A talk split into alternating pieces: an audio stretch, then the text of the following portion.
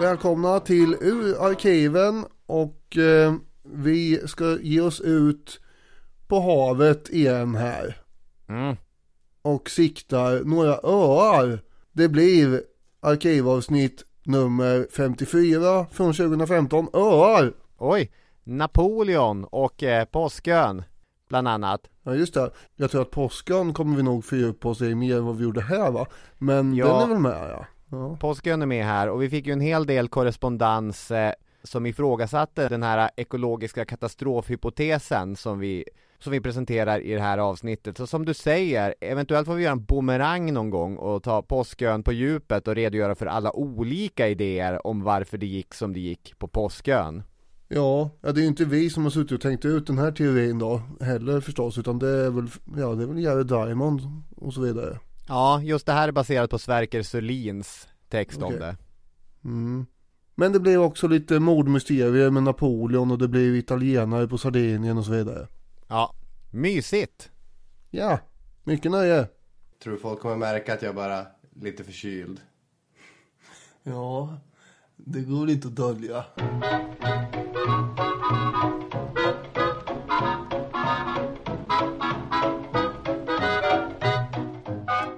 Ingen människa är en ö.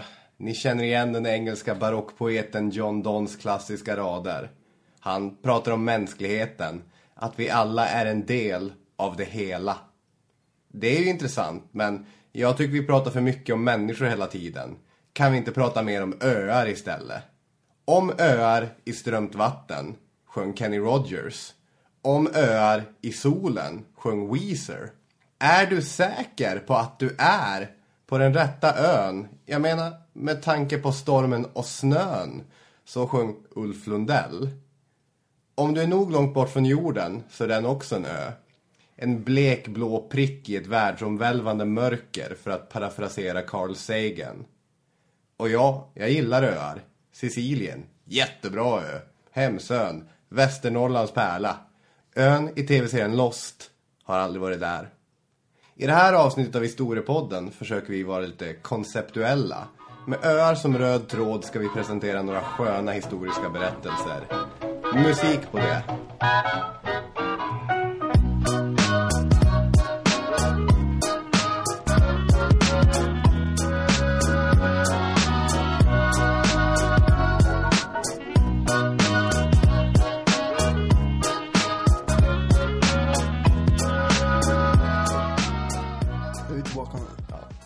Betyder det att det är jag som då... välkomna! Välkomna, välkomna, väl, välkomna, välkomna. Välkomna till avsnitt 54 av Historiepodden. Jajamän. Är du sjuk? Ja, Jag är lite krasslig. Lite förkyld, ganska pollenallergisk.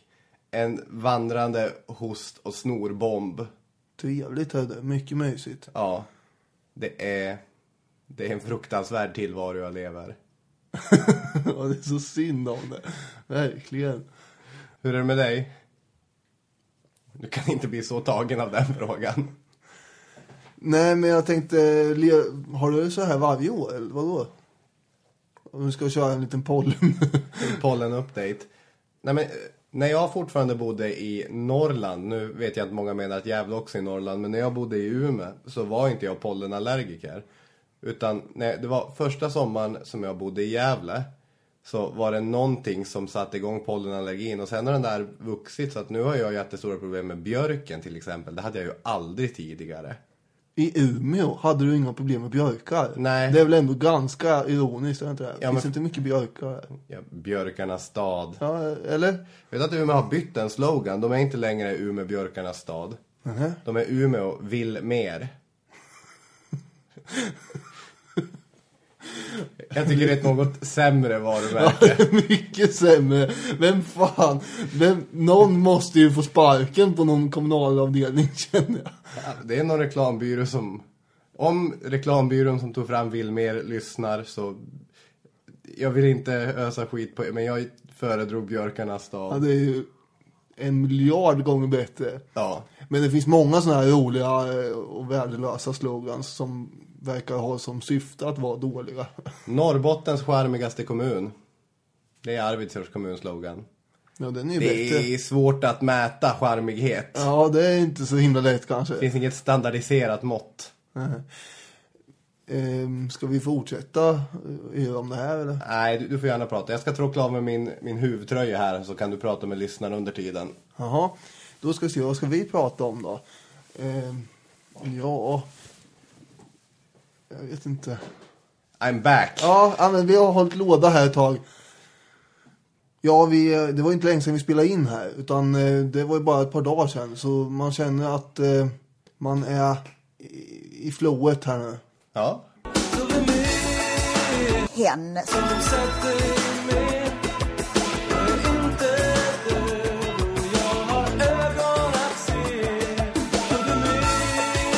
hen,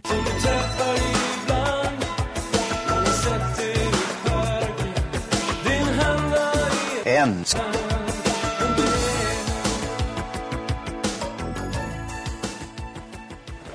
Ja, nu gräver Daniel Hermansson i sin ryggsäck och fram kommer en skinande historiepodkal. Jajamän, Vi spelar Vem är hen? Du leder med sex poäng mot mina fem. jag står på min sida här nu.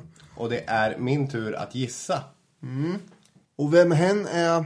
Vad mörkt du har här inne hela tiden. Tänd lampan då. Vem hen är alltså eh, fem påståenden. Där eh, fem poäng är det första, fyra poäng det andra och så vidare.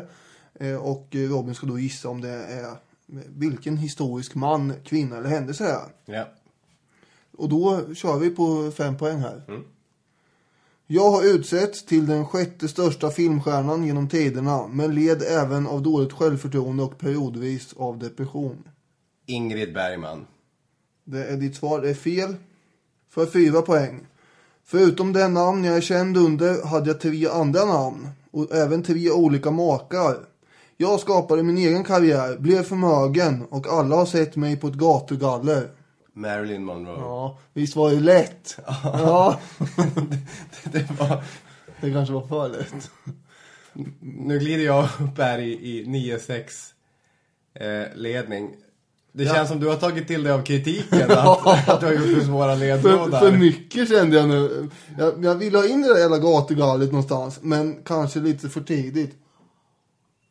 Ja, för tre poäng hade jag. Den här kunde jag lika gärna haft på fyran då. Det började med foton på en ammunitionsfabrik och slutade med en tragisk överdos av oklara skäl. Ja, den är ju svårare. Ja, det borde man ju ha roterat. För två poäng. Eh, när Robert Kennedy fyllde år sjöng jag för honom, men det pågick andra saker också. Som kan ha oroat CIA och FBI. Rykten. Mm, ja, och förmodligen en viss sanning i dem här. Eller det var ju det. Och eh, ja, det var ju när hon sjöng för honom på hans födelsedag på Madison Square Garden 1962. Och för en poäng, tänker man på begreppet sexsymbol är jag eh, dess ursprung. Ja, Ja, men det kan man väl säga. i modern mening kanske. Ja, eh, men eh, det är ju... Marilyn Monroe. Allt är ju inte exakt i, i de här ledtrådarna. Nej, men Monroe är intressant på det sättet att hon är en sån supersexualiserad person samtidigt som hon är en, en mycket hyllad och älskad skådespelerska också. Ja, hon var ju förebild eh, för många kvinnor när hon... Eftersom hon skapade sin egen förmögenhet och sin egen karriär och allting. Sen var hon ju då, apropå, inte förebild kanske, men hon var på bild för många amerikanska soldater eh, ute i, i flottan. Så det var då, och armén, det var då hon slog igenom under, under kriget. Mm. Jag för mig. Och att hon var sjätte största filmstjärnan, det var då sjätte största filmstjärnan, kvinnliga filmstjärnan. Som eh, American Film Institute tror jag det var, som eh, utsåg henne till det 1999. Och eh, hon hade tre män som hon var gift med. Bland annat den här, var inte han baseballstjärna DiMaggio? Joe DiMaggio. Dessutom så var hon ju gift med den här amerikanska författaren. Vad heter han? Jag trodde att du hade namnen där framför dig. Nej, eh, Ett fruktansvärt äktenskap. Men jag kommer inte alls ihåg vad han heter, tyvärr. ja men nu är jag alltså 9-6. Mm. Oj fan.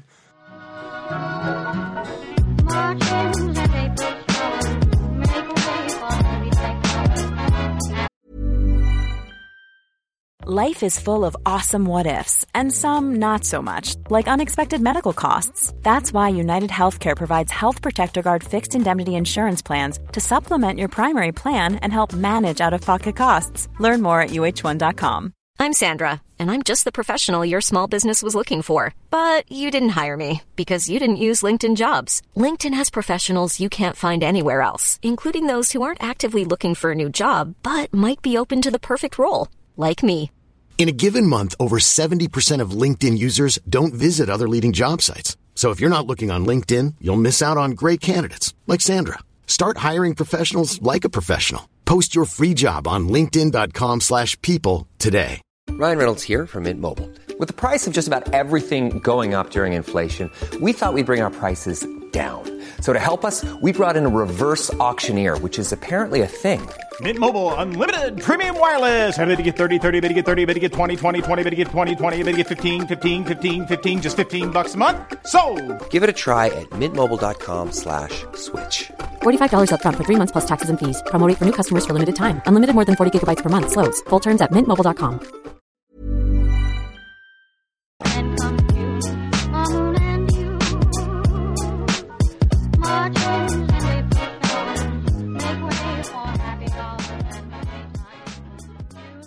För lite drygt ett år sedan så klippte jag håret. Det här kan barka iväg åt vilket håll som helst nu. Och så kom jag tillbaka med, med min nya frisyr till platsen där både jag och du jobbar. Vid bordet inne i personalrummet så sitter det två stycken eh, kollegor till oss. Jag har aldrig suttit så här mycket på spänn någon gång när du har berättat något, höll jag på att säga. Eh, en av dem är, är en lite yngre historielärare från Piteå. Och den andra en lite äldre historielärare med ett stort militärhistoriskt intresse. Ja. Och då ser de min nya frisyr. Jag är ingen av dem kan vi tillägga. Nej, det är du inte. Och så säger den unga mannen från Piteå. Har du klippt dig som Morrissey? Alltså sångaren i The Smiths. Och då säger den militärhistoriskt intresserade. Jaha, jag trodde du hade klippt dig som Sverker Sörlin. Och Sverker Sörlin är då en känd mil- miljöhistoriker från Umeå. Och det var en närmare referens för, för den här mannen än, än en känd brittisk popstjärna. Vad var syftet med frisyren då? Ja, syftet med frisyren var väl bara att ha en, en liten fin Du hade ingen av de här två eh, herrarna i åtanke? Jag ville väl mer se ut som Morrissey än Sverker Sörlin, men... Sen började jag googla bilder på dem är ganska snarlika varandra, så att det var två bra spaningar ändå. Varför pratar jag om det här? Ja. Jo, därför att den här första lilla ö-episoden som jag kommer dra, den populariserades i en bok som heter Jorden, en ö, som skrevs av Sverker Sörlin. Inom området miljöhistoria så är den väldigt eh, uppskattad. Har man läst en miljöhistorisk kurs på universitetet så har man hört den här berättelsen första lektionen, första dagen. Men jag utgår från att de flesta inte har läst en miljöhistorisk kurs. Jag vill prata om Påskön. 1722 så hittar holländarna Påskön. Och jag skulle kunna ge mig på på att läsa upp den holländska kommendörens namn men även när jag inte är förkyld så skulle det vara en utmaning så jag hoppar det. Jag säger istället att det var påskdagen 1922 och det är så ön fick sitt namn. Eh, James Cook kommer dit 50 år senare, 1774. Vad tror du det är James Cook hittar? De här stenarna kanske, som ser ut som... Ja, de ser ut som... Ja, de... Ja, eh, jag kommer inte på något kul. Ja, de stora stenstatyer, sju meter höga i snitt, flera hundra sådana hittar han. Men det som fascinerar honom är människorna på ön. Som lever i grottor och verkar föra något ständigt krigande mot varandra, lever en ganska patetisk tillvaro. De här människorna, på deras låga nivå, hur kan de ha byggt alla de här statyerna? Hur har det här gått till? På den här ön, 360 mil väster om Chile, i närheten av ingenting. Vad är det som har hänt här? Och det är en ganska intressant fråga. Påskön är ju omsusad av, är det magi? Är det gudar? Kan det vara aliens? Om man tycker om den typen av fantastiska förklaringar så kan man på Påskön få sitt lystmäte fyllt. Får jag, eh, du kommer förmodligen förklara vad som har hänt. Mm, jag hade tänkt försöka det. Ja. Men jag tänkte, får jag komma med en kort eh, gissning? Ja. Eller vad jag tror att jag vet. Fast kan man inte se Påskön som en symbol för hela planeten? Ja, det ja, kan man. Det var där det skulle komma till slut kanske? Ja. Okej, då ska jag inte avbryta. Nej, och det är ju den metaforen som herr Sörlin har presenterat. Det, det är ju inte han ensam om. Nej, eh, vill jag påpeka. Var det inte den här, eh, eh, vad heter han nu som har skrivit den här eh, boken om eh, Diamond? Jared Diamond, Guns, Germs and Steel. Han har åtminstone pratat om det här också. Mm. Men han kanske har fått det från Sörlin i och för sig för all del. Ja, eh, om detta tvista Mm. Sörlin och Diamond. De lärde.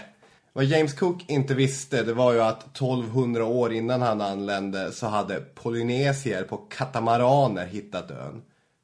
Hur åker man 400 mil på en katamaran på 200-talet? Alltså jag fattar inte. Nej, det är imponerande. Nu kommer jag att tänka på den här eh, eh, Mali-kungen. Om inte han kanske eh, också kunde ha seglat över. på något sätt ändå. Ja, det är fullt möjligt. Ja, han- Var det Massa Musa? Ja, just det. Massa Musa som anlände. Ja, det var ett tjugotal polyneser i alla fall. Och där har man slagit sig ner och levt och mått. Vad hade de med sig? Jo, den polynesiska råttan. De hade med sig höns. De hade tagit med sig sötpotatis. Och det gick så utmärkt att leva på det här. De åt omelett, sötpotatispuré, kokt ägg, rostad sötpotatis, pyttipanna var inte lika populärt för de hade inga rödbetar. Men allt det här levde man gott på. Och i mitten av 1500-talet så hade man alltså vuxit till att ungefär 7000 människor bodde på Påskön. Är det inte IFK Göteborg som brukar äta pyttipanna när de vunnit SM-guld? Jag tror det. Ja, okej, det var min inlägg där. Ja.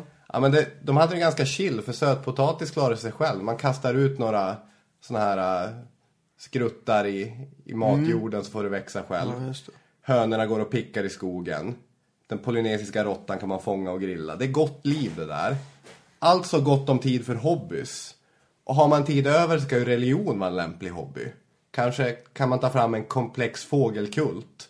Det finns 47 stycken olika typer av religiösa byggnader i diverse varierande skick bevarat på Påskön. Och dessutom genom muntlig tradition kan vi få en hum i alla fall om att det är den här fågelkult som har funnits på ön. Olika klaner började växa fram och de här klanerna började tävla mot varandra. Och för att visa att jag är minsann lika bra på worship av fåglar som den här andra klanen är så började man bygga statyer. Och det var ju så de här statyerna skapades som står överallt på Påskön. Men de ska inte bara skapas, de ska ju fraktas också. Och det här är inte helt etablerat, det finns olika teorier på hur de fraktades fram och tillbaka. Men enligt den förklaringen som Sverker Selin ger i alla fall så, sku, så högg man ner träden på ön och helt enkelt rullade dem fram och tillbaka. Och det här skedde i så stor utsträckning att till sist fanns det inga skogar kvar. Nej. Och det är ju så dumt med avskogning. För att dels kunde man inte bygga fler hus. Så man var tvungen att flytta in i grottor. Och när man dessutom har huggit ner alla träd, då blåser ju all matjord bort. För rötter och sånt är ju bra. Skog är ju jättebra på att hålla jord Ja. kvar. Eh, nu, jag är ju geografilärare också som sagt. Mm. Och det är därför jag är lite, eh, lite insatt i det här med påskens eh, miljöbakgrund. Är ju. Och eh, erosionen eh, tilltar ju en hel del i styrka förstås när det inte finns någon skog kvar. Precis. Så det blåser bort. Och när, nu har vi inte matjord längre. Hur ska vi nu odla vår sötpotatis? Ja, det går inte. Då blir hönsen istället enda sättet att livnära sig. Och så börjar man bråka om hönsen. Det, det låter ju lite roligt det här men det är ju, det är ju eh, tragiskt. Det är djupt, djupt tragiskt. Tidigare levde vi i överflöd. Nu är det en tävling på liv och död om en höna. Den där hönan, den är min. Så fan heller. Så att i en väldigt liten skala här, för det är ju det som är grejen med en, en ö, att en ö kan ju bli som en miniatyr av en värld, det var ju det du var inne på. Så har vi alltså en miljömässig katastrof. Det här sker på 15-1600-talet, på knappt 100 år. Så totalt skrotar man det ekosystem som med mycket god marginal tillät människor att leva och frodas på påskön. Att det här gick snabbt, det märks också att i olika stenbrott så finns 300 halvfärdiga statyer. Ehm, I diverse, ja du utplacerad där. Så att över en natt känns det som att det här har skett. Paradisön blev till en mardröm. För en ö förändras ju utifrån hur de som bor på ön agerar. Och är man lagd åt det miljötänkande hållet kan man ju se katastrofen på Påskön som en allegori för det skeende som vi befinner oss i på vår ännu större ö. På samma sätt som Påskön ligger helt, nästan i alla fall förutom för James Cook, oåtkomlig ute där i Stilla havet. Så Och seg- polynesierna då. Ja, just det. Så seglar vi omkring som en blå pärla ute i ett i- illsvart universum helt ensamma och här kan vi ju då fästa upp allting vi har Ja. Eh, så fort som möjligt. There is perhaps no better demonstration of the folly of human conceits than this distant image of our tiny world. To me, it underscores our responsibility to deal more kindly with one another and to preserve and cherish the pale blue dot, the only home we've ever known.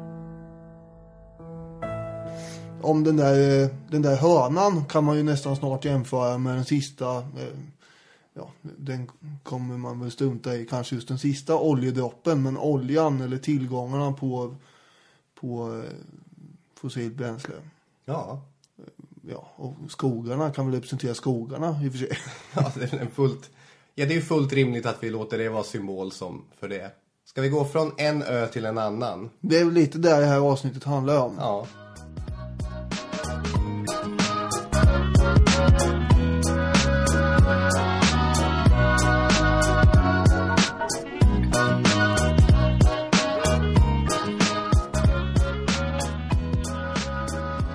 Vart ska vi ta vägen då?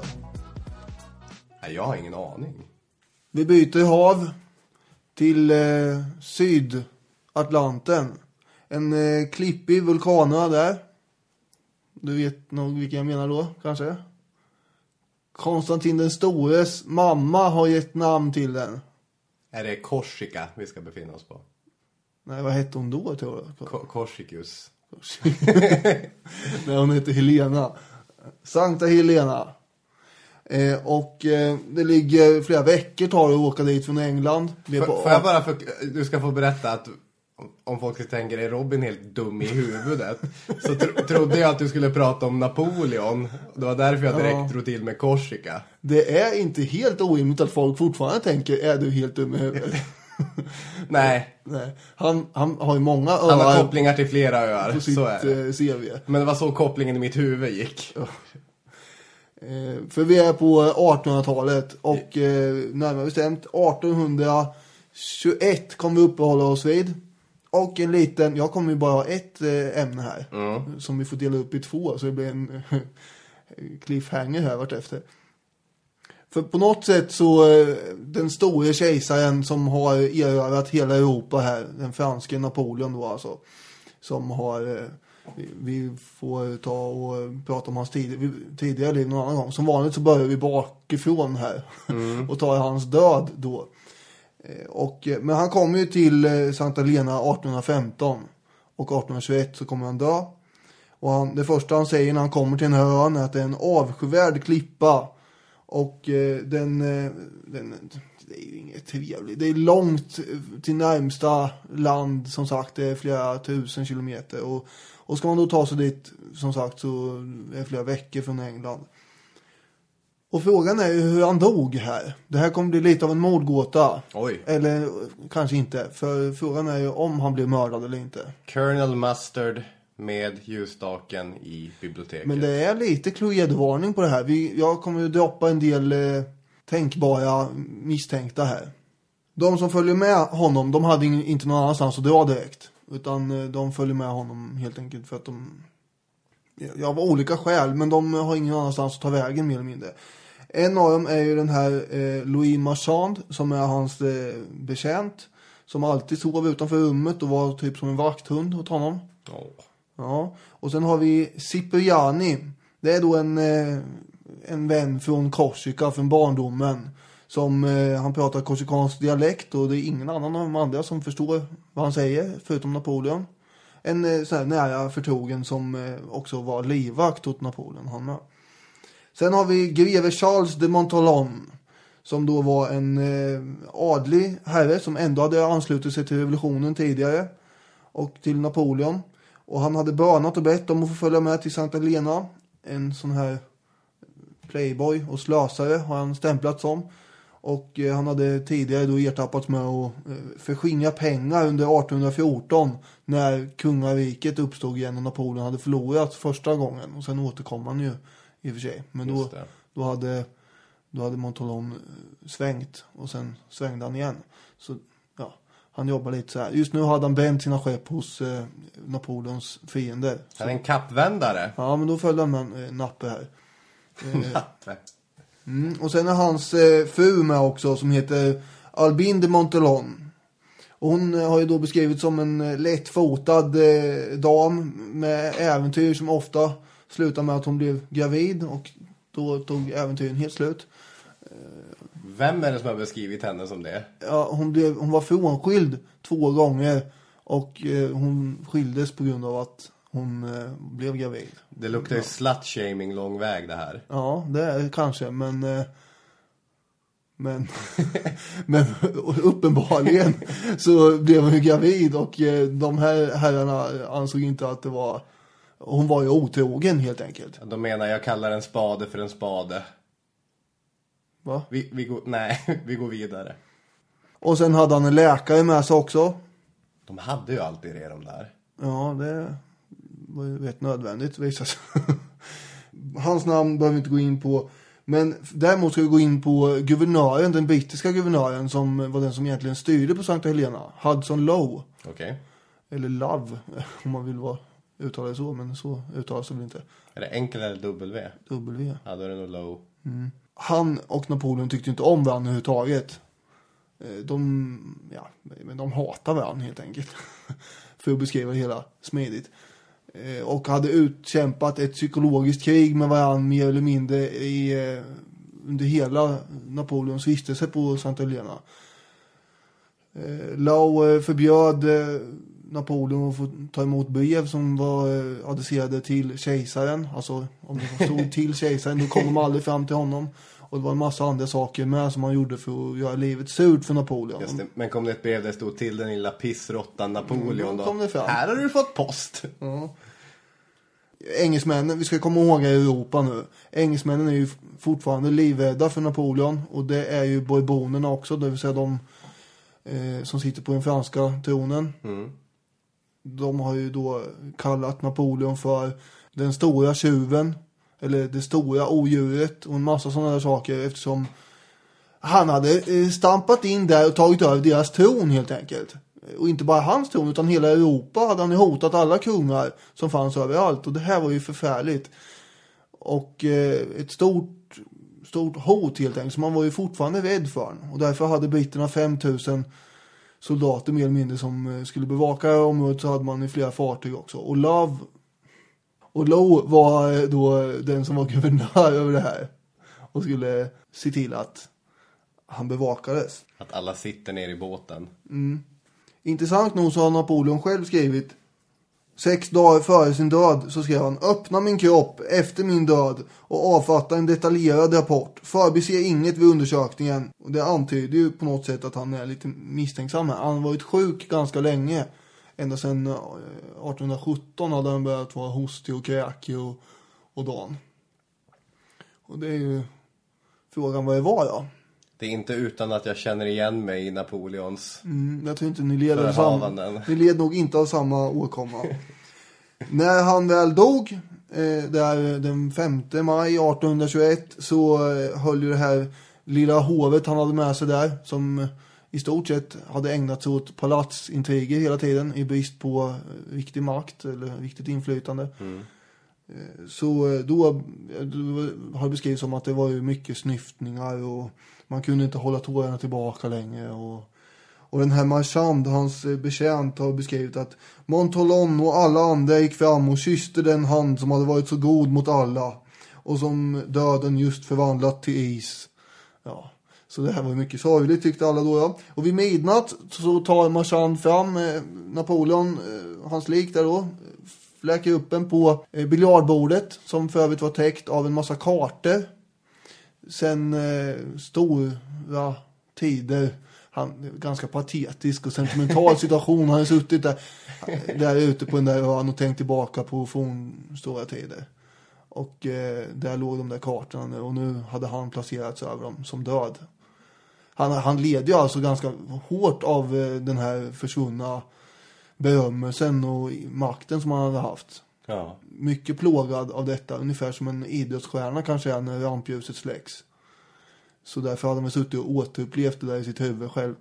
Hur som helst, nu ligger han där eh, och det är dags att raka av håret på karn eftersom eh, man ska göra en sån här dödsmask. De här hårlockarna kommer att skänkas till eh, eh, hans eh, ja, inre krets här helt enkelt. Som eh, finns runt omkring och lite familjemedlemmar och sen kommer de då eh, gå i arv till ättlingar längre fram, eh, tanken. Såklart. Mm. En vacker hårlock att sätta på nyckelknippan. Nästa dag så är det dags för den här obduktionen. Det här är ju då en känslig historia förstås.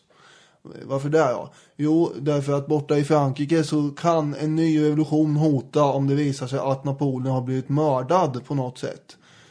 Och därför bestämmer ju Lau att det ska vara sex brittiska läkare med. Hans egen karriär hotas ju om det visar sig att eh, han har blivit mördad på något sätt. Så han är ju ganska intresserad av att det inte ska bli så. Ja. Obduktionen genomförs ganska slarvigt med tanke på att, eh, att det är Napoleon Bonaparte det handlar om. Att de är sex stycken läkare som är Ja, där och och gör de det. är dessutom fler. De andra, det är den franska läkaren som, som gör den här obduktionen. Mm. Men, eh, och han hade förut varit väldigt förvirrad över vad, de här symptomen i flera år. Inte någonsin fattat riktigt vad, vad som pågick med karln. Eh, Men de andra brit, eh, brittiska läkarna är också med förstås, men kanske som övervakare och lite mer sådär. Inte handgripligen lika mycket. Man konstaterar att det fanns frätskador i magsäcken, vilket var en inledande fas av cancer då. Och då är man ju snabb med att konstatera att ja, det var magcancer. Okej. Eh, och, eh, men då har man ju hävdat eh, en del eh, då som är lite skeptiska till, att, till det här. Att man, man dör inte av inledande faser på cancer. Man dör av cancer. Mm. Men det blir i alla fall den officiella orsaken. Och den här Lau, han ser till att sammanfatta de fyra läkarutlåtandena som finns till ett enda. För att det ska bli lätt och smidigt att läsa och sortera bort lite frågetecken och sådär kanske. Den 9 maj så är begravningsprocession där på Sankta Helena. Och Marchand, den här betjänten som är med, han eh, hade ju fått en uppmaning av Napoleon tidigare. Nämligen när han hade legat där och hostat någonstans på någon, någon skraltig säng. Att eh, eh, gift dig och skaffa barn. Och när de frågar mig, säg att ni såg mig dö av förtvivlan på Sankta Helena. Bruten men inte kuvad. Ja, det är ju stora ord. Man kan ju nämna här att den här eh, stället som de bodde på hette Longwood House.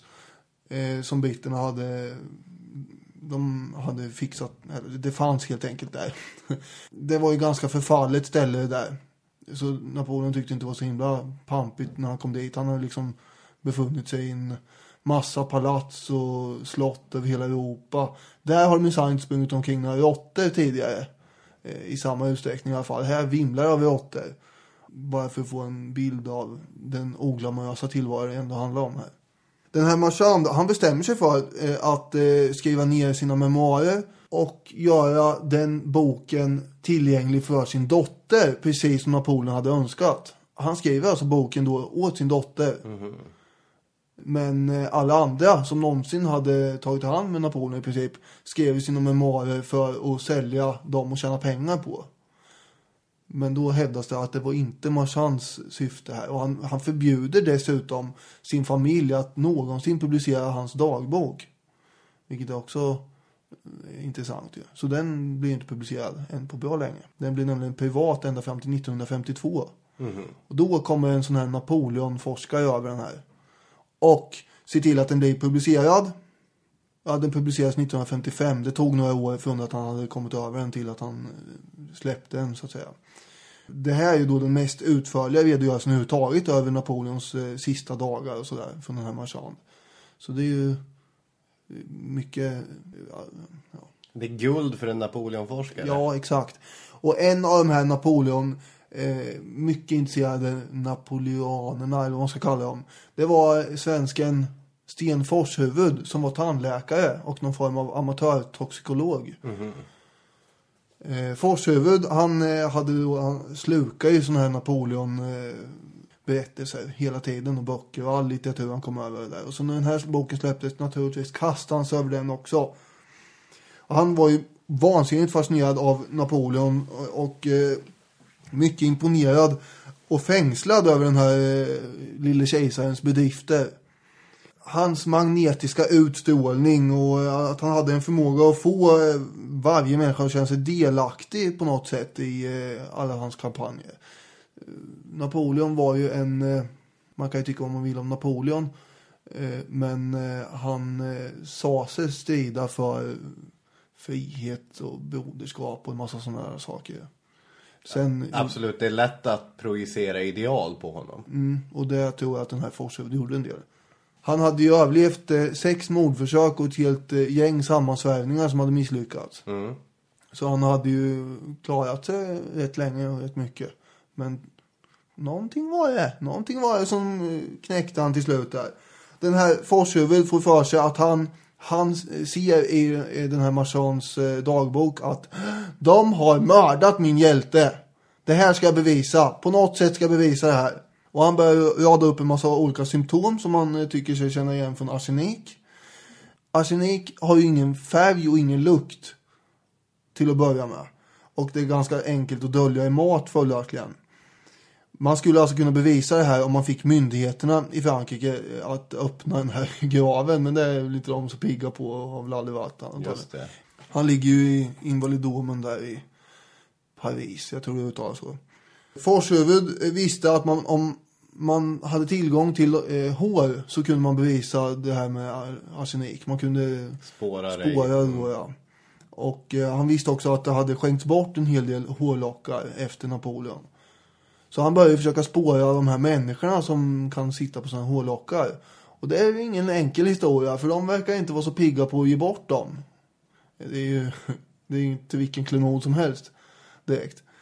Eh, så eh, han kämpar på men det franska historiker vill inte ha med honom att göra och de här ättlingarna verkar inte heller vilja ha med honom att göra så mycket. Så till slut så vänder han sig till den här eh, personen som har släppt den här boken då, den här dagboken efter Marchand. Han eh, söker upp honom och säger att eh, vad han har för teori och sådär.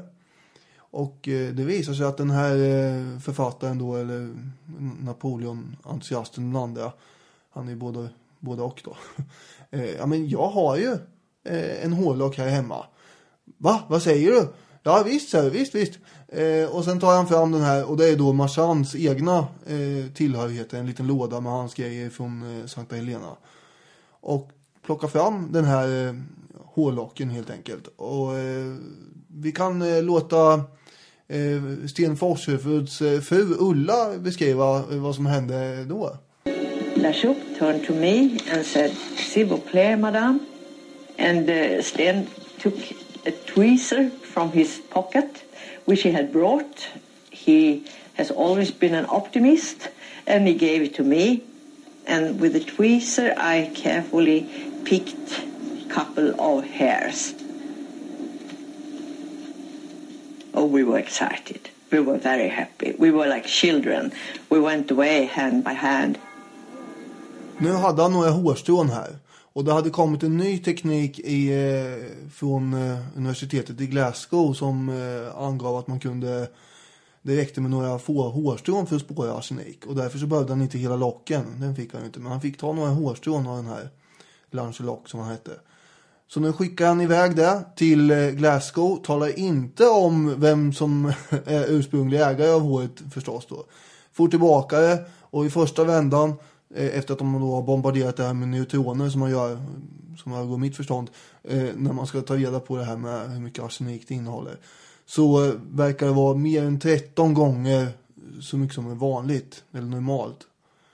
Och det här är ju bara första eh, rundan som sagt. Han kommer att jaga fler hårlockar här framöver. Eh, och han kommer att försöka att få med sig andra på den här teorin med. Men fransmännen verkar inte vara så sugna på att hjälpa honom fortfarande. Tvärtom så blir de franska historikerna eh, helt förskräckta inför den här svenske tandläkarens eh, påhitt. Och eh, de helt enkelt slår bakut och vill inte ha med honom att göra. Och varför det är så kan vi ju återkomma till snart. Jag älskar Forshuvuds... Han känns som en privatspanare i Palme. Utredningen här. Jag har min egen grej, jag har grej. Och jag älskade hennes Sven-Göran Eriksson-engelska också.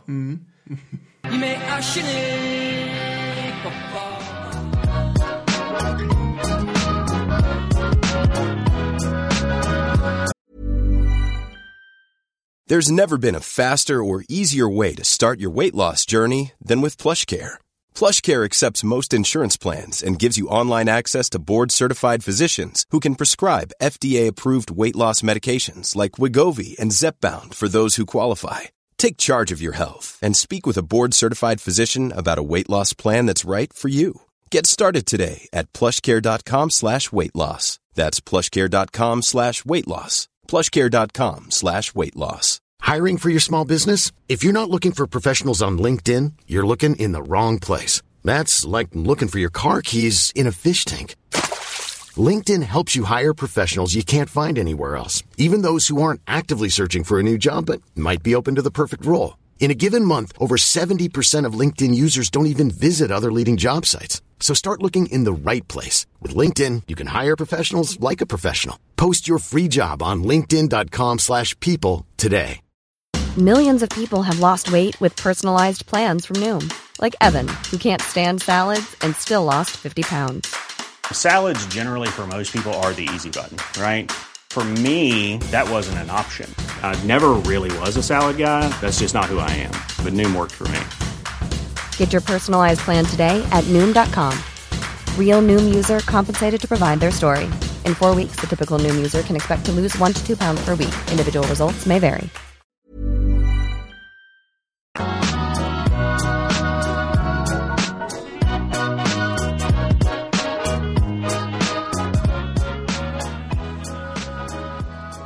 Ja, men det är väl kul med lite Napoleon. Jag tänker att jag kanske kan knyta an till det. Napoleon är väl kanske den första stora symbolen för nationalism. Kan man påstå det? Ja, det skulle jag vilja säga. Åtminstone så skapar han ju en nationalism i Tyskland sen. Jag tänkte säga det. Ofrivilligt visserligen. Ja, och Bismarck är kanske liksom den viktigaste aktören inom 1800-talets nationalism. Men är inte den aktören som är lättast att romantisera Giuseppe Garibaldi? Jo, kanske det. Ja. Jag tänkte prata lite grann om Garibaldi och hans förhållande till öar, framförallt en ö. Den här Garibaldi, den idealistiska, kompromisslösa mannen, vem var han egentligen? Ja, jag kan väl börja med att beskriva hur han såg ut, i alla fall hur han såg ut i medvetandet hos de människor som inspirerades av honom. Han hade en typ av röd blus, Garibaldi-blus är till och med vad plagget heter. En svart slokhatt och ett långt buskigt skägg. Den här blusen och hatten blev en sorts symbol för den typen av rörelse. Det är många friskyttar och liknande som har anammat det modet för att knyta an till det här arvet som Garibaldi lämnade efter sig. Men han var en italiensk frihetskämpe och under olika perioder kom han att leda privata arméer. Det var det han höll på med. Ska man eh, förklara att eh, Italien är ju inte Italien på den här tiden? Nej, det ska man absolut göra. Och egentligen ändå sen Roms... den här tiden för övrigt är 1860-talet. Ja, men jag tänkte att vi kan börja lite före Ja, 1860-talet också. Egentligen ända sedan Roms fall så har den italienska halvön varit uppdelad i flera mindre stater. Och förvisso så hade de ju snarlik kultur och geografiskt hör de ju verkligen samman. Men att, att liksom gå ihop föll inte naturligt. Napoleon, som vi just pratade om, han hade ju erövrat Italien. Slagit ihop dem, men sen besegras Napoleon och då separeras de igen. I mitten av 1800-talet så består Italien av dels kungariket bägge Sicilien i norr, där Neapel är maktcentra. Kungariket Sardinien som dels består av Sardinien och dels en stor region i norra Italien. Och man får säga att Sardinien var Italiens enda självständiga kungarike, i alla fall i ordets rätta bemärkelse. Kyrkostaten Rom och sen en mängd mindre stater i norr, till exempel Parma, Lombardiet, Modena med flera. Och många av de här äh, mindre staterna i norr är ju lydstater till Österrike-Ungern. Men det finns italienska nationalister, såklart, eftersom nationalismen är en otroligt stark rörelse under den här perioden av europeisk historia. Och vad drömmer de om? Giuseppe Garibaldi, vad är det han drömmer om? Jo, ett enat Italien. Redan som 20-åring så hade han på 1830-talet tvingats gå i exil efter medverkan i ett misslyckat kuppförsök. Och under sin exil så slogs han i Brasilien och Uruguay, vilket också förstärker hans här romantiska är. Men det även förklarar varför han var så flink med krigandet. Han hade övat mycket på det redan i unga år. Sen, och det här ska vi gå igenom väldigt kort för det här kommer bli ett eget avsnitt någon gång. Vi har ju 1848 Ja, herregud, ja. det här magiska årtalet i historieskrivningen då en revolution pumpar fram genom Europa. Med Frankrike som ground zero så kommer Polen, Tyskland, Brasilien och en mängd andra nationer hamna i upprorstillstånd. Det galna året. Det, det galna Som det året. kallas av alla som var emot de här revolutionerna i alla fall. Ja.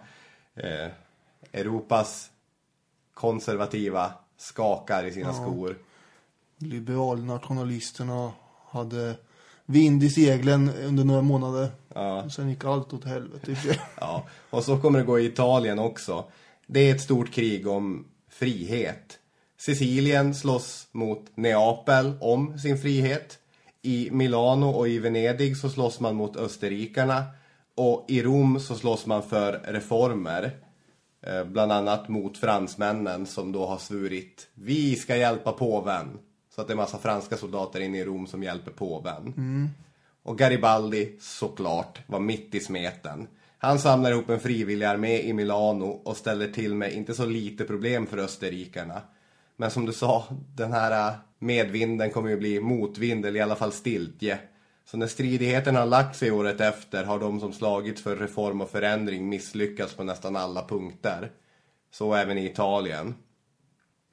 Därför är kanske Garibaldi lite deppig nu. När han sitter på ett litet fiskefartyg som ska smuggla honom till Sardinien. Ett ställe dit Garibaldi måste fly för att han, det är en dödsdom på hans huvud nu. Faktum att frun, Anita, dör på samma smuggelfartyg tänker jag inte lättar sinnesstämningen heller. Det här är en riktigt eländig resa för stackars Garibaldi. Ja, det låter ju inte som livet på en pinne det här direkt. Din livs ambition om ett enat Italien. Ditt livs kärlek, Anita. Allt det här har tagits från honom. Finns det någonting som kan vända en sån händelseutveckling? Kan någonting ge liv till en sån stackars sate? Jag eh, har ju varit på Sardinien och eh, det finns ju, man kan ju dricka vin där. Och man, man kan ju väldigt så här charmiga små eh, kullar och han kan, väl, han kan väl bo där och se ut över kullarna och vinrankerna och, och det är ju fint klimat och till och med delfiner såg jag när jag var där. Så eh, det här handlar mest om att jag vill skryta om att jag var där. Ja, men ändå så sätter du verkligen pilen mitt i prick. Garibaldi öppnar ögonen och ser Isola Caprera. sitt nya spirituella hem. Mhm. Mm. Och nu kommer jag in på öspåret här. För var är vi nu egentligen? Jo, vi är i sundet mellan Korsika och Sardinien. Vi är på en vacker skärgård med färggranna och underligt formade granitöar. Ja, eh, jag har ju varit inne i de där grottorna också. Fantastiska grottor kan jag säga. Här har pirater härjat i alla tider, eller i alla fall fram till mitten av 1700-talet då Sardinien hade börjat bygga örlogsbaser. Här hade 1793 en ung fransk kapten, vad kan han heta? Napoleon, Napoleon. Bonaparte. eh, härjat. Och här hade Horatio Nelson med sina skepp smugit fram efter den franska flottan 1803. Mhm. Big Game Hitters som har varit här. Stora historiska karaktärer. Big game hitters. I det här området så hittar Garibaldi, ja Caprera då, en klippö på knappt 15 kvadratkilometer. Vad finns där? Jo, två korsikanska getfarmare. Och Garibaldi nu då. Och de ska han göra en armé av. Ja, men först ska han leva, dö och älska. Eller kanske inte dö. Han måste ju köpa loss det här stället, det vet han direkt. Mm. Han är som en sån här norrländsk man som ser någon liten stackars sjö där i Västerbottens fjällen. Här, det här ska jag ha. Här ska jag fiska och bo. Jaha, är det så man funkar om man är från... Ja. Eller en smålänning eller en värmlänning eller vad som helst. Glesbygdsromantik. Så Ja. han åker till Nordamerika och jobbar i fabrik i fem år. Tar de värsta skiften, jobbar de hårdaste ackorden.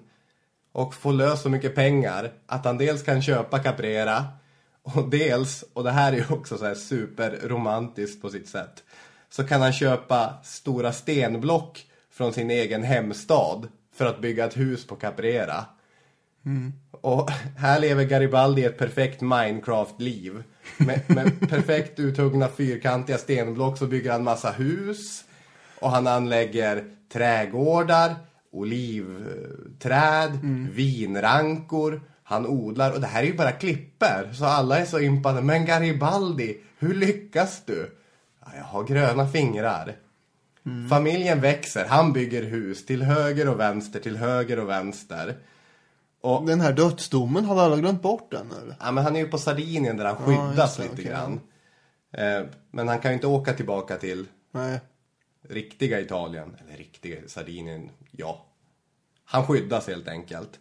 När man läser om denna fas i Garibaldis liv så är skriftställarna ofta så imponerade över honom bara. Wow, vilken odlare han var. I en av böckerna jag läste så står det till och med att Garibaldi var en bättre trädgårdsmästare än vad, än vad han var krigsförare. Nu kommer jag att tänka på eh, en självklar referens här. Ja. Nämligen eh, Diocletianus, den här romerske kejsaren på eh, sent hundratal. Hade han också ett stort trädgårdsintresse? han avgick ju som eh, kejsare och, eh, och eh, började odla kålhuvuden istället. Ja. Sen så bryts ju Garibaldis paradisliv där på Cabrera 1859 då det stora kriget mellan Österrike och Sardinien bryter ut. Och eftersom Garibaldi hatade Österrike, det enda som han hatade mer var påven, så rycker han in på Sardinien, Sardiniens kung Victor Emanuels sida. Och det här kommer vi också ta med någon annan gång. Med ett tusental pålitliga män. Många av dem från de här öarna där han bodde. Mm. Antagligen getfarmarna som han hade bott tillsammans med på Caprera. Så sätter han sig på några skepp och åker till södra Italien. Erövrar södra delen av halvön. Tar Neapel. Och överger allting till Victor Emanuel. Han var en idealist som inte klarade av realpolitik. När han fick se sin riktiga hemstad Nissa, där han växte upp, bli franskt. Man bjöd ju bort det som man vill ju ha fransmännen på sin sida. Mm. När, när man skulle ena dem, då blev han kokande. Han blev rasande. Han blev utsinnig. Arg. Mm. Arg. Han blev så arg. Så efter att ha erövrat södra Italien så ville ju Garibaldi vända äggen mot Rom. Men det var inte Sardinien så pigga på eftersom Frankrike stod som garanter för påven. Ja men, ska vi verkligen ge oss in i krig mot Europas stormakt? Enough is enough. Men idealisten Garibaldi var inte så pigg på det här. Nej. Så 1862 har han samlat ihop en egen privatarmé Ja, det är klart. och rider mot Rom. Ännu mer Nu kör vi! getfarmar. Ja. 1867 kör han igen. Nytt försök. Nu tar vi Rom. Och det, det är alltså privat krigsföring. Han är ju inte no, medlem i någon officiell armé på det sättet. Älskad men totalt ohanterlig. När han inte krigar så är han på sitt älskade Caprera. Och när han dör 1882 så var ju Italien enat. Franska trupper hade lämnat Rom efter att de 1870 blivit indragna i ett annat krig med starkt nationalistisk prägel. Då Tyskland är och jiddrar med dem. Men han är inte helt nöjd för det finns fortfarande en påve i Rom. Garibaldi menade att han för Sardinien var beredd till vilket offer som helst. För de italienare som delade Garibaldis vision av Italien så var det en halv mesyr eller någon typ av, det var inte riktigt hela vägen som det blev, ett typ av antiklimax. Att påvestaten fanns kvar på något sätt, även fast inte riktigt. Man, man ville ha en annan Italien. För att citera den gamla historieprofessorn Alf Åberg. För dem, alltså de här italienarna, är Sardinien framtidslandet bland italienska landskap. Där primitivismen ännu är löftesrik och jungfrulig. Som trädgården och olivlunden på Garibaldis ö. Ska det sägas att det här sa ju Alf Åberg på 70-talet. Så att det är inte är en, en superaktuell spaning över det italienska politiska klimatet. Men du som har varit på Sardinien. så- Ja, just det, det har jag. Såg du någon löftesrik primitivism? För de som... Om det är någon lyssnare som inte vet vad primitivism är så att man tror på... Man längtar tillbaka till ett tidigare stadie av historien som är önskvärt än det rådande. I det italienska fallet så är det i regel att man längtar efter Roms storhetsperiod.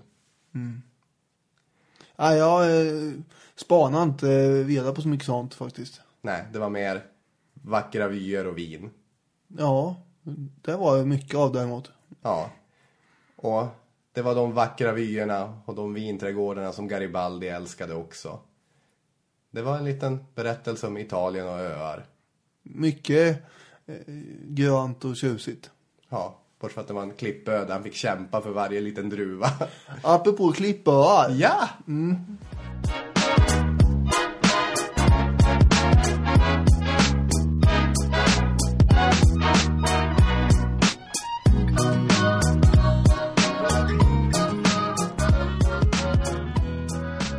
slutet på 1950-talet.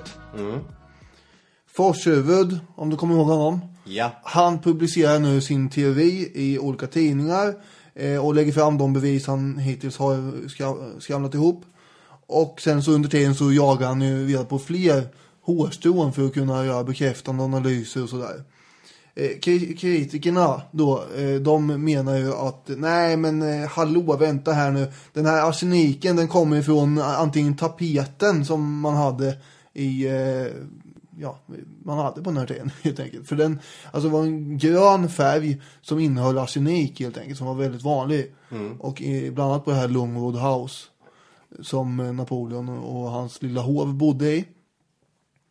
Eller så var det marken där han hade begravt sig som hade gjort att det hade funnits en massa arsenik i, i hans hår, Okej.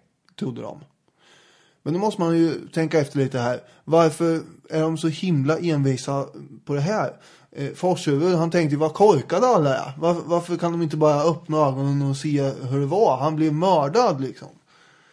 Eh, då ska man ju komma ihåg då att för fransmännen på inte bara 1900-talet utan generellt verkar det som så är Napoleon någon form av hjälte ändå ganska ofta.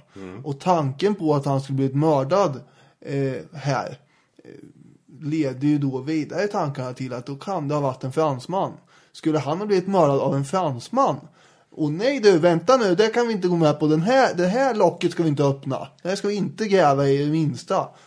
Det vill man inte vara med om. Är det att jämföra med Karl den XII sköts av sina egna?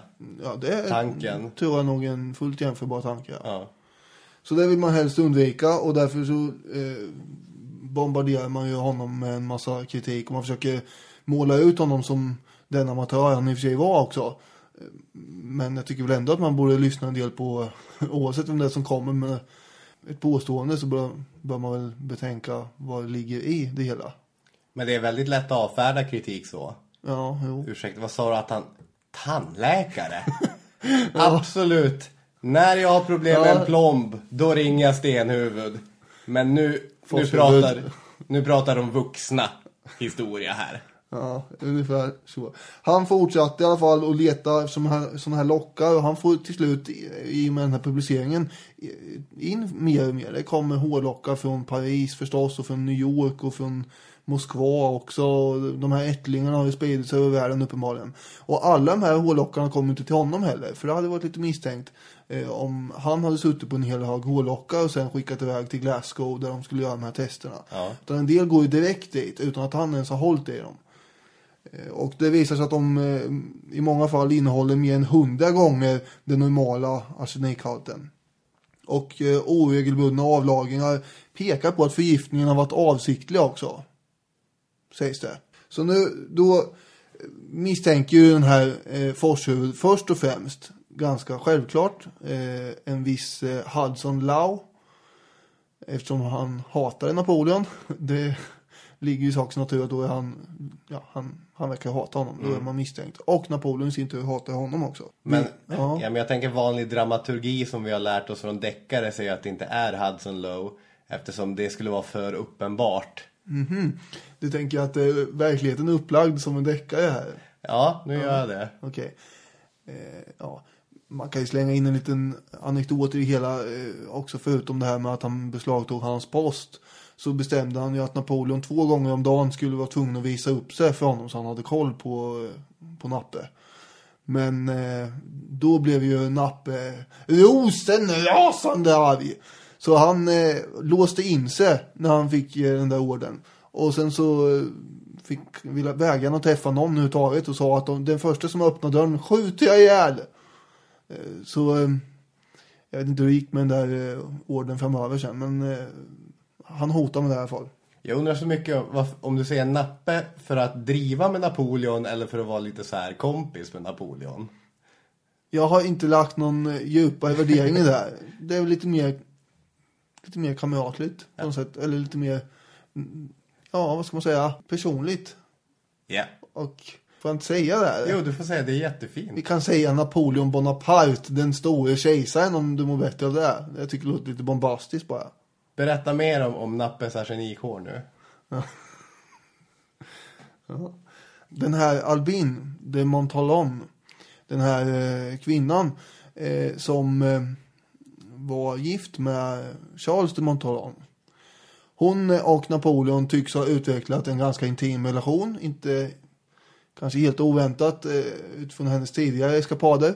Och Napoleon som satt på eh, den makt han hade ändå på ön bland det här, den här lilla kretsen människor som fanns där. Han var väl högvilt då kan jag tänka mig för henne. En gång så såg han henne läsa en sån här roman från 1670-talet. Som handlar om eh, en kvinna som förgiftar sin make, sina barn, sin älskare, sin far och sina bröder med arsenik allihop. Och då ska han ha sagt till henne att, för han känner till den här romanen, ja, men gift det är den feges vapen. Ja, är sån här rolig anekdot också, märker jag hur jag bygger upp. Eh, mhm. Jag väntar på the big reveal. Mm, Al Albin blev ju gravid. Eh, och eh, nu kanske det är någon som känner, apropå håren resa sig här, bara va? Har han, eh, har han en, en ättling här som ingen känner till? Ja, det vet vi inte. Eh, eftersom det kan vara så att det inte var hans dotter som föddes sen. Men i sedvanlig ordning bara som extra krydda här så har det naturligtvis sagts att eh, den här dottern var slående lik kejsaren. Men det är, är eh, naturligtvis ingen som har bevisat det här eller kan leda det i bevis på något sätt. Så det, det vet vi inte. Men det är ändå intressant i sammanhanget. För hon försvinner ju då iväg till Frankrike och föder den här dottern där. Då skulle man kunna tänka sig att den här Charles, eh, hennes man alltså, försvinner iväg också. Men nej då, han sitter kvar på, eh, på Santa Helena. Han är ju då sån här eh, hushållsföreståndare. Han har ju fått i uppgift bland annat och han har beställt in en massa arsenik för att ha ihjäl alla de här råttorna som springer omkring och ränner överallt.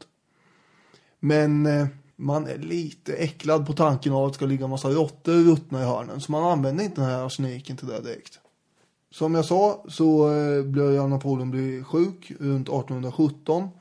Och de här symptomen på frossa, kräkningar och feber kunde inte läkarna riktigt reda ut. Han, han blir sjuk till och från i perioder. Ibland blir han friskare och sen blir han sjukare igen och sådär. Eh, och han, han mår ju inget vidare här. Eh, Och eh, plötsligt så dör Cipriani. Kommer du ihåg honom? Det var han den här korsikanske kompisen han hade sedan ungdomen. Som sov utanför dörren. Ja, det var i och för sig den här betjänten Marchand. Men, men den andra var ju också eh, han som... Livvakten. Ja, just det. Eh, knall och fall. Han hade varit kärnfrisk ena dagen och stendöd nästa.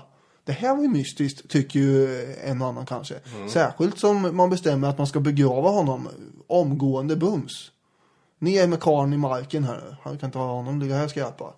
Och det går någon dag och då, eh, Napoleon känner ju lite så här eh, isningar längs ryggraden. Va, va, hur kunde det här vara? Han, han visste att han är sjuk. Han misstänker själv att den här Hudson Lau försöker förgifta honom.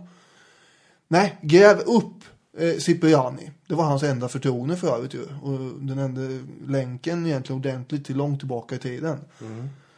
Eh, han vill ha reda på hur han dog. Han ska ha en obduktion av Cipriani. Men när man öppnar graven då är inte Cipriani kvar. Han är borta. Puts väck. Mycket mystiskt, eller hur?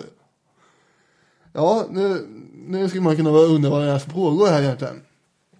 Napoleon, han som sagt eh, anklagar ju den här Lau för, eh, för, för Ciprianis död. Det var ingen som trodde att han var återuppstånden och att han hade... Den tanken. Han lever, han lever, han Jag lever. tror inte den inföllsen är. Uppstånden är Cyprianus, hurra, hurra. Nej. Inte vad jag känner till i alla fall. På 1960-talet så kommer en ny arsenikanalysteknik. Där man då eh, genom att bara eh, av delar av ett hårstrå kan eh, analysera fram eh, 15 dagar i en persons liv. Bland annat eh, se hur mycket arsenik som har funnits då. Och eftersom man har hår från samma dag som Napoleon dog så kan Forshuvud då, eh, anser han själv i alla fall, slå fast att mellan september 1820 och april 1821 så fick Napoleon gift vid 40 olika tillfällen. Och det var den här återkommande sjukdomen som kom och gick under åren som sagt. Och syftet med det, vad det skulle ha varit kan vi ska snart dra. Men som i en Agatha Christie-deckare här nu så måste man ju rada upp de misstänkta i Forshuvuds tankevärld. Vi har ju då alltså ett, Hudson Lowe, ärkerivalen till Napoleon på Sankta Helena, som bara väntar på att den här karln skulle gå och dö. Eh, Så han fick åka hem och, och liksom göra annat i livet. Eh, och eh, nummer två kanske då skulle vara läkaren som rapporterade till Lau, den här fransmannen, som eh, gjorde en slarvig obduktion och allting han har haft ett finger med i spelet. Eller nummer tre, greven de Monteolon, som eh, har givit upp då sitt eh, liv i sus och dus. Han har ju skippat där för att åka iväg till Santa Elena och sitta där och jaga råttor på den här avskyvärda klippan. Eh, och resultatet av Forshuvuds slutsats är Pampajam, alternativ nummer tre, hör och häpna. Eh, greve Charles Tristan de Montolon är den då som hade nyckeln till eh, Napoleons vinförråd. Vilket är mm, inte helt orelevant om man ska blanda in något i hans vin till exempel. Mm, och eh, dessutom så hade han ju som sagt ansvar för de här eh, utrotningen av råttor och arsenik och grejer. Motiv då skulle kunna vara att i eh, arvet så är ju Montolon med också. Han får två miljoner franc och han kan som sagt haft ett personligt motiv eventuellt eftersom Napoleon hade en relation med hans fru. Kanske. Därom kan vi inte fastlägga några bevis men det finns en del indicier här i alla fall. När Napoleon hade varit i exil på Elba så hade ju Montalon eh, återgått till Napoleons fiender, alltså bourbonerna. Eh, och avlagt trohetsed till dem. Sen hade han ju då fått sina eh, spelskulder som han hade uppe av önen betalade av bourbonerna. Men sen så, eh, ja, sen förskingrade han ju pengar på något annat håll och då hamnade han i trångmål igen och kunde inte vara kvar i Frankrike, sägs det. Och eh, då följde han med Napoleon till Santa Helena. Och teorin går ut då på att eh, de Montalon hade följt med till Santa Elena som en agent åt bourbonerna. För de var ju fortfarande komplett livrädda för Napoleon. Och de kallade honom för den återvändande. De hade besegrat den i Leipzig 1814, skickat iväg den till en annan ö, Elba. Men han kommer tillbaka eh, och ställer till det och slänger bort dem från tronen igen. Och, och sen lyckas de besegra den igen vid Waterloo. De skickar iväg den till nästa ö, Santa Helena. Och den här gången tänkte de inte låta honom komma tillbaka. Och därför så skulle man då ha eh, för säkerhets skull kastat med den här agenten då. Det här är en teori, vill jag bara påpeka. Från Forshuvuds sida. Men han är inte helt ensam om att ha den här direkt. Ett tag så var den ganska, ganska vedertagen. Men han misstänktes aldrig av sin samtid, den här eh, greven. Ut- Utan eh, det är ju först när Forshuvud kommer med de här idéerna. Det här arvet han fick av eh, Napoleon, det slösade han ju bort igen och bourbonerna var tvungna att rädda han en gång till. Och då kan man ju st- stillsamt undra, varför skulle de göra det? När de redan hade gjort det en gång och, och så här. Kanske han visste någonting som det gällde att och betala för att han inte röjde eller något sånt där. Ja, här kan vi fortsätta att spekulera. Eller hur? Ja. Mm. En annan eh, intressant sak är ju att eh, 1840 när eh, bonapartistiska stämningar sätter igång eh, borta i Frankrike igen och vi har en ny eh, kung där som heter eh, Ludvig Filip eller Louis Philippe. Också kallad för övrigt kung Päron av satirteckningarna eftersom de hade kommit på att han såg ut som ett päron till utseendet.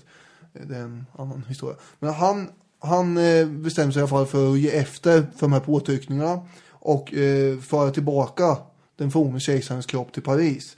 När man då öppnar graven 19 år senare efter hans död där. Eh, och då var för övrigt Louis Marchand, hans betjänt, med. Han som har skrivit boken åt sin dotter och så. Dot- Ja. Dottern var också med vid gravöppningen. Och till deras förvåning så ligger Napoleon i graven och sover ser det ut som. Han är helt bevarad. Det ser ut som han bara har tagit en tupplur. Eh, mycket stillsamt där. Är det all arsenik som pumpar runt? Arsenik eh, fungerar ju bevarande. Så är vi ju. Och eh, så förmultningen hade inte direkt eh, ägt rum särskilt mycket då, enligt den här uppgiften. Folk trodde att det här var ett mirakel på något sätt, men eh, det var ju alltså inte, utan det har ju att göra med arseniken då, i så fall. Eh, Jämförelse man kan dra skulle jag vilja slänga upp här och det är att Alexander den stores lik var ju också misstänkt bevarat en gång till. Lång tid före dock. Och han hade då legat i mer än en vecka i fuktig värme i Babylon utan att eh, han hade börjat ruttna det allra minsta. Och då finns det ju då spekulationer om att eh, han också har arsenikmördat. Den här uppgiften att hans eh, lik inte ruttnar kommer från en romersk historiker som heter Curtius. En alldeles fantastisk stilistisk författare för övrigt. Om än inte lika, lika historiskt korrekt kanske som man skulle vilja önska. Så, så eh, han anger att han tror inte själv på den här uppgiften att, eh, att eh, Alexander skulle att hans kropp skulle varit bevarad. Mm. Men på Curtius tid visste man ju inte heller om det här med arsenikens bevarande förmåga. Och då finns det en historiker som heter Paul Doherty som har dragit slutsatsen att Alexanders kompis Ptolemaos hade, som hade då eh, kontroll över Alexanders eh, måltider och sådär, hade blandat i det här arseniket och långsamt dödat honom. Eh, och kanske i en allians med Alexanders fiende borta i Grekland och sådär. Och det slutar ju med att Ptolemaos blir den första i den eh, ptolemaiska faraonska ätten i Egypten. Han, han tar ju över hela Egypten alltså. Dessutom stjäl han ju med sig Alexanders lik dit för att ingen ska kunna börja misstänka att det är något skumt eftersom han aldrig börjar ruttna karln. Så det, det, det är en, eh, en liten koppling bara där. Men, men finns det någon samsyn idag kring huruvida Napoleon faktiskt förgiftades eller inte? Eller är det bara privatspanare som Forshuvud som han ansågs ju länge ha haft rätt om det här. Men idag då, 2008 och 2006 har det kommit så här uppgifter om att det här eh, kanske inte helt är sant. Italienska kärnfysiker har då 2008 eh, påstått att det, det var inte tillräckliga mängder för att ta kål på en. Universitetet i Milano har har gjort en ingående undersökning av fyra hårprover från Napoleon. Dels som en Dels som ettåring, alltså man har fått tag på hår från Napoleon när han var ett år. Okej. På något mycket, fråga mig inte hur. Men han levde på Korsika, vilket också är ö. Eh, fång, när han var fånge på Elba år 1814, också en ö. Och sen från Sankta Helena. Också en ö. Ja, eh, både då, från två tillfällen då när han bo, bodde där. Och så bombarderar man de här proverna med neutroner och får eh, arsenikkärnor alltså och falla sönder på något sätt. Som sagt, jag fattar inte hur riktigt. Men då eh, så är resultatet att Napoleons hår innehåller inte mer arsenik än andra hårprover från samma tid, säger man. Alltså, eh, de människor man jämförde med, det vill säga hans familj bland annat, hade också hundra gånger mer arsenik eh, i håret än uppenbarligen än vad dagens människor har. Okej. Så att det slutgiltiga svaret är vi vet inte riktigt. Det får man väl ta och säga. Men jag tycker det är skumt det här med bevarandet. För det skulle betyda att i så fall skulle ju alla människor som levde i början på 1800-talet ha, deras kroppar skulle inte ha förmultnats i så fall. Jag, tycker, jag får Nej, inte ihop det där riktigt. vet vi med all säkerhet att så var det inte. Nej. Dessutom har man ju undersökt byxor som Napoleon har haft mellan 18, mellan 1800 och 1821. Och då eh, så visade det sig att eh, han eh, pendlar i vikt ett- en del och på slutet så gick han ner typ 11 kilo vilket då skulle tyda på att han hade någon slags magcancer ändå. Och att eh, det hängde ihop med det. Vet du vad det kan vara annars? Nej, Det kan vara stress. ja, det brukar skylla. Nej men det tror jag inte, han bara dör av sådär. GW Persson tycker ju att eh, motiv ska man inte hänga upp sig på. Men eh, jag tycker nog att den här De Montolon har lite väl, han har väldigt starka motiv. Det finns mycket starka indicier mot den tycker jag i alla fall.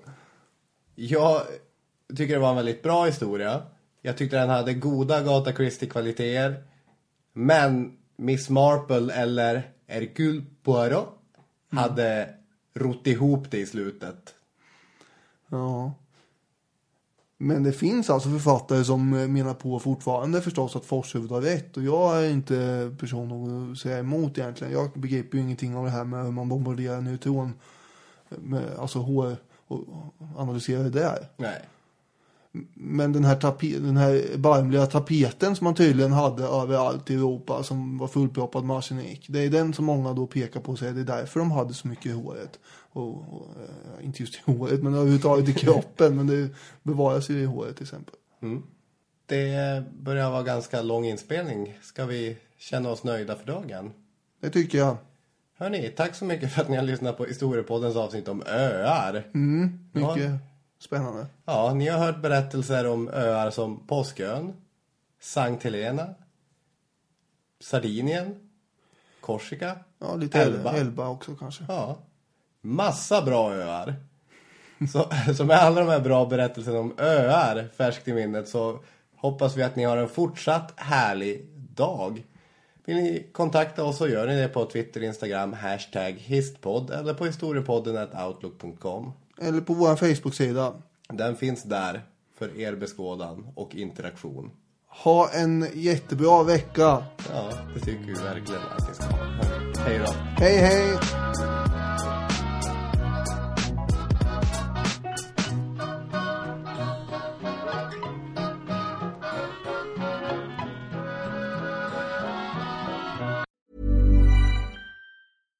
Even when we're on a budget, we still deserve nice things.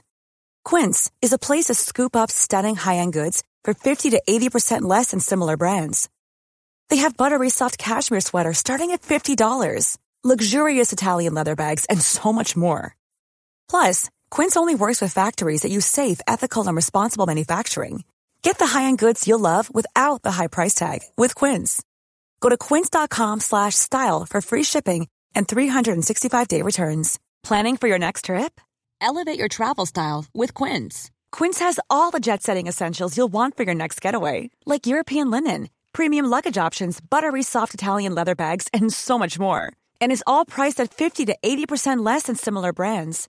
Plus, Quince only works with factories that use safe and ethical manufacturing practices. Pack your bags with high-quality essentials you'll be wearing for vacations to come with Quince. Go to quince.com slash pack for free shipping and 365-day returns.